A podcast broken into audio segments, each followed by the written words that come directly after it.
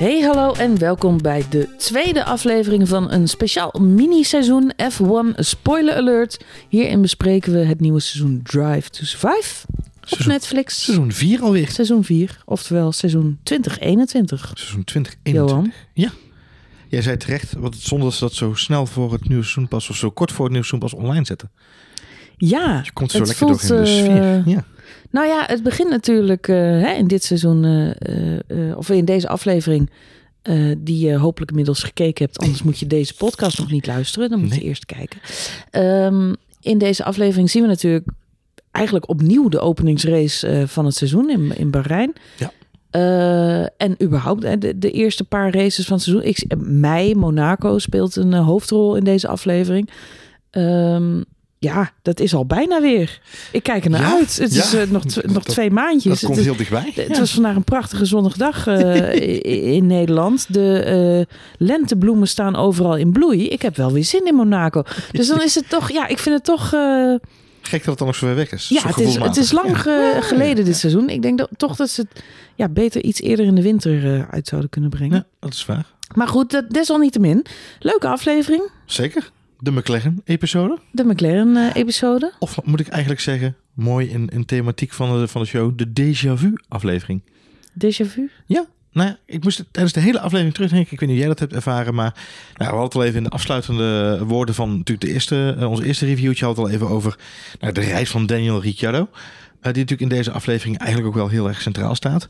Ehm, ik zat eigenlijk de hele aflevering lang terug te denken aan de parallellen die ze zelf ook trekken naar het seizoen 2018.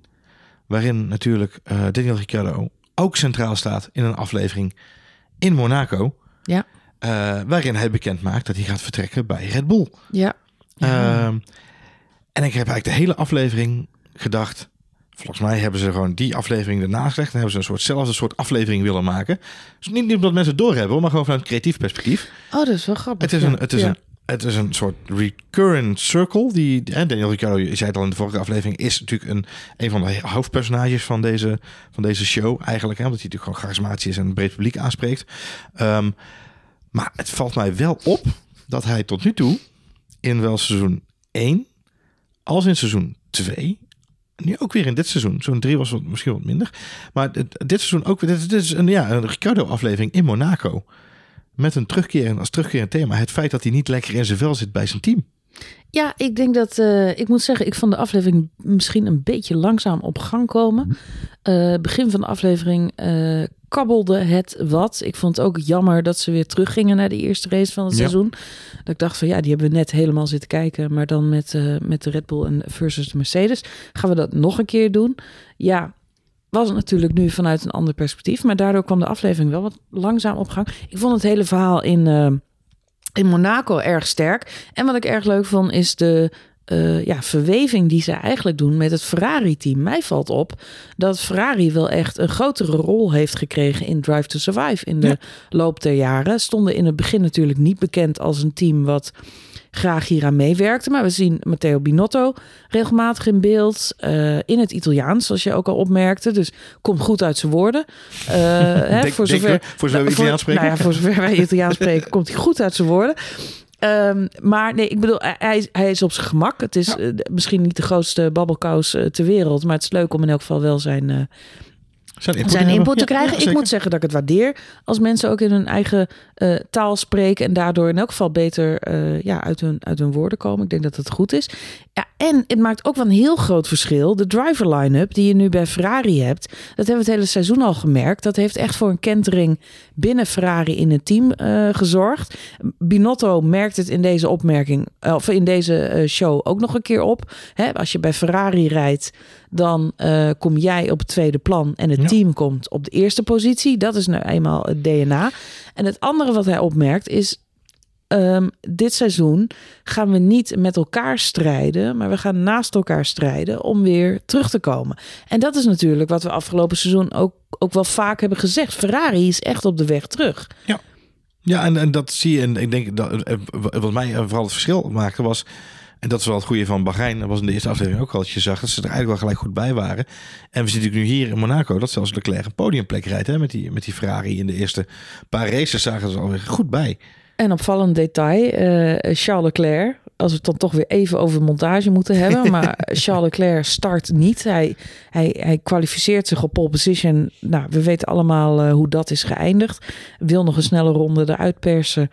In, eh, vlag, in, ja. in, ja, en crasht eigenlijk keihard in de muur. Ja. Ferrari checkt niet aan die kant van de wagen op de versnellingsbak. En bij de opwarmronde, het is eigenlijk de hele nacht al spannend.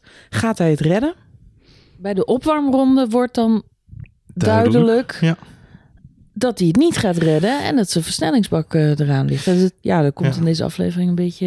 Nou, het is niet eens, de, het, was- dat is grappig, het was niet eens de versnellingsbak, het was aan de andere kant inderdaad. Dat is het mooiste dilemma van het hele seizoen. Dat is drie races races Ja, later het nou, over het gesproken ja. inderdaad.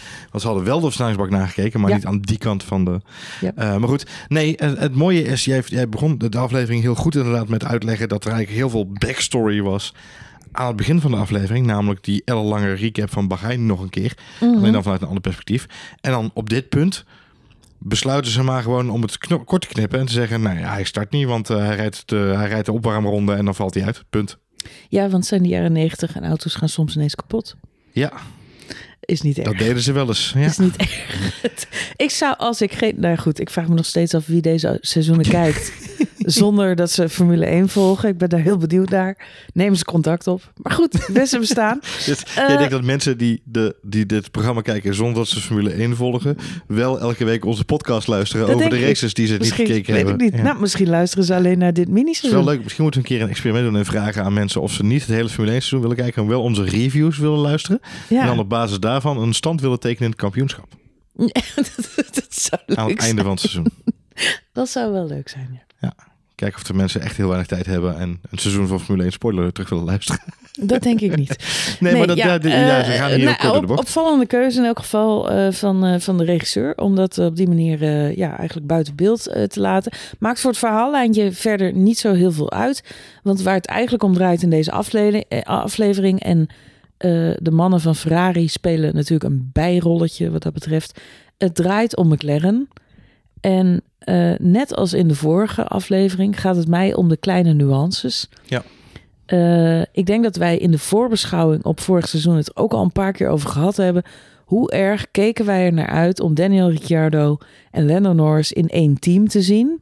De meme team. Ja, en eh, dat zou natuurlijk ook wel wat haat en nijd opleveren.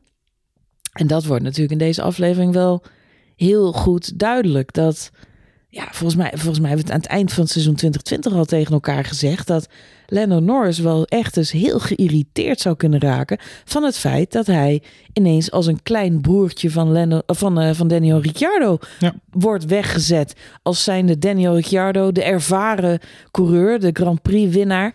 Waar Lando Norris wel eh, ervaring bij zou kunnen opdoen en van zou kunnen leren. En dat wordt natuurlijk in deze aflevering heel goed duidelijk gemaakt. Door Zack Brown zelf. Door Zac Brown zelf, maar ook door, door ja, gewoon door de hele media-hype daaromheen. Ja. Dit is de story. En Wat mij goed wel duidelijk wordt, en ik weet Drive to Survive is heel erg geëdit. En je weet niet of elke quote die je ziet hè, op die situatie slaat. Nee, dus we even met een klein korreltje zout nemen.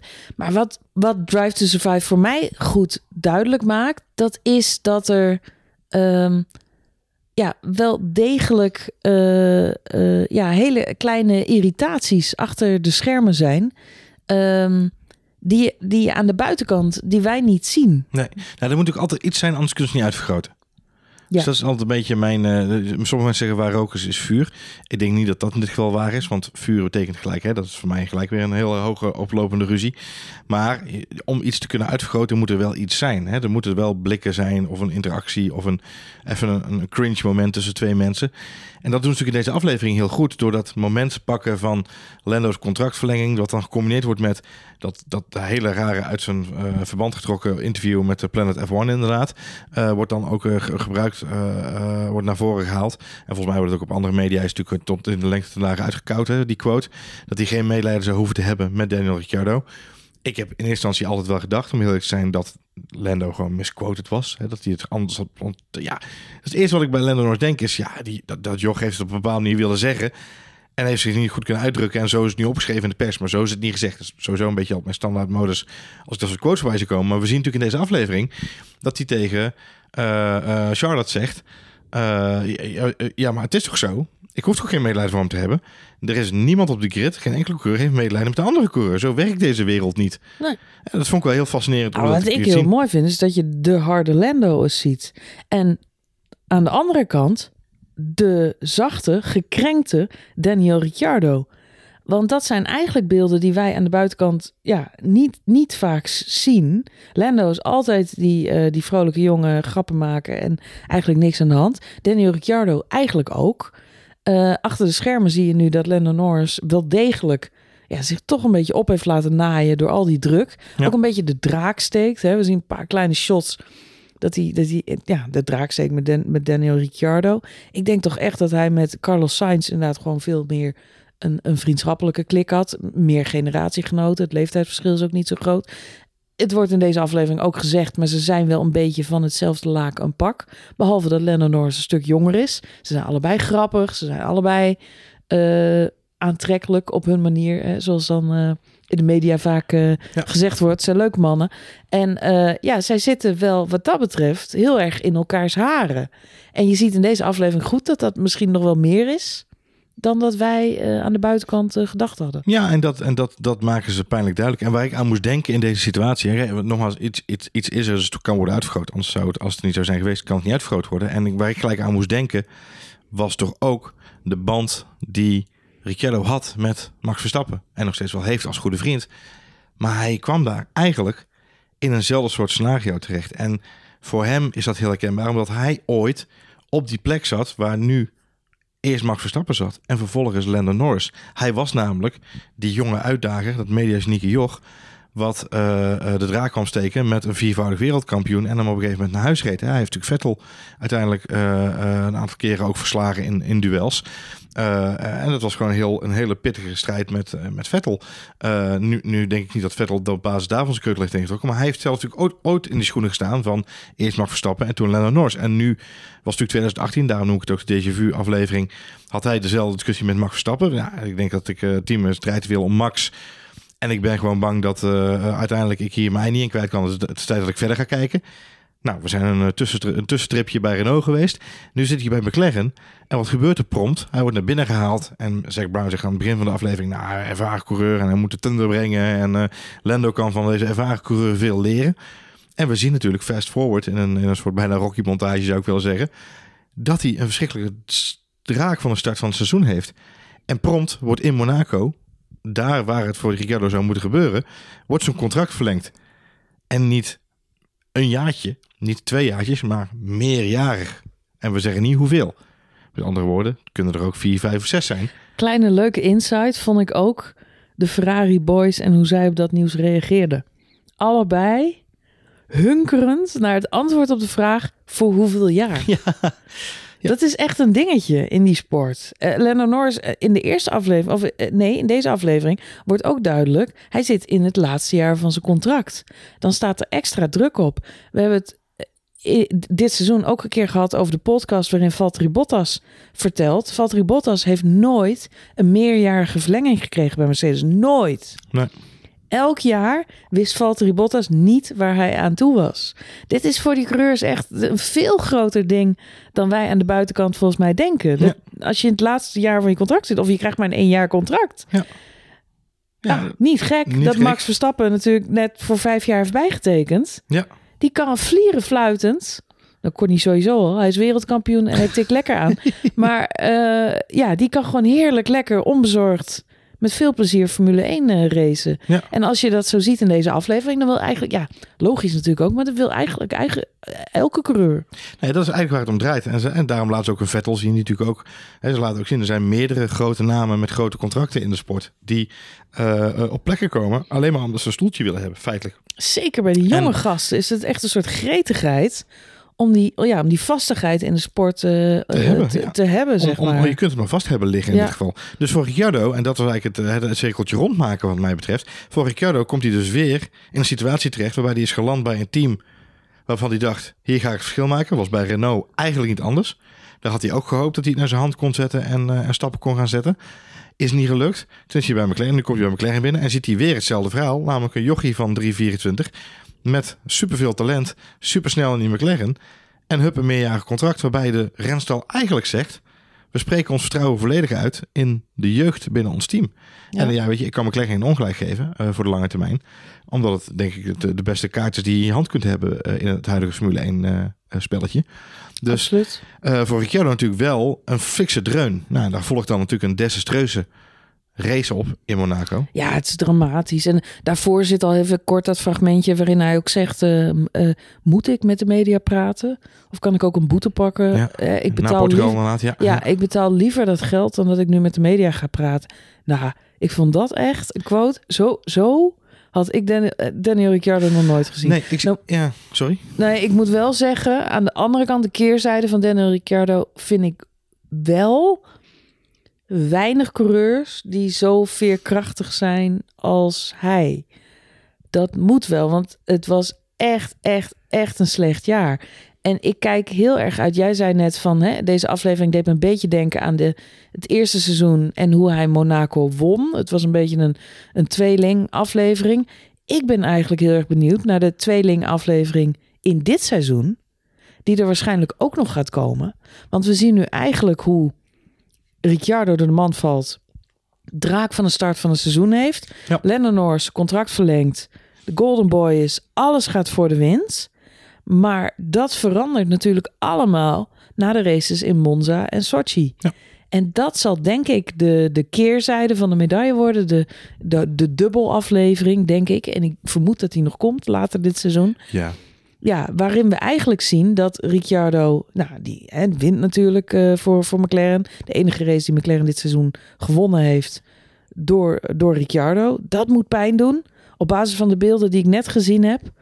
Verschrikkelijk pijn doen. En Lennon Norris krijgt de kans om in Sochi te winnen. Nou, regenbui, gooit roet in het eten. Wordt hem niet. En daarna is het seizoen... Kijk, Ricciardo heeft daarna ook niet echt meer hoogtepunten hoor. Die, van die ene overwinning moet hij het dit seizoen Nee. wel een beetje hebben. Maar Lennon Norris vond ik echt gekrenkt aan het eind van het ja seizoen. die kwakkelde heel veel aan. Die kwakkelde, Ja, die was niet meer zo...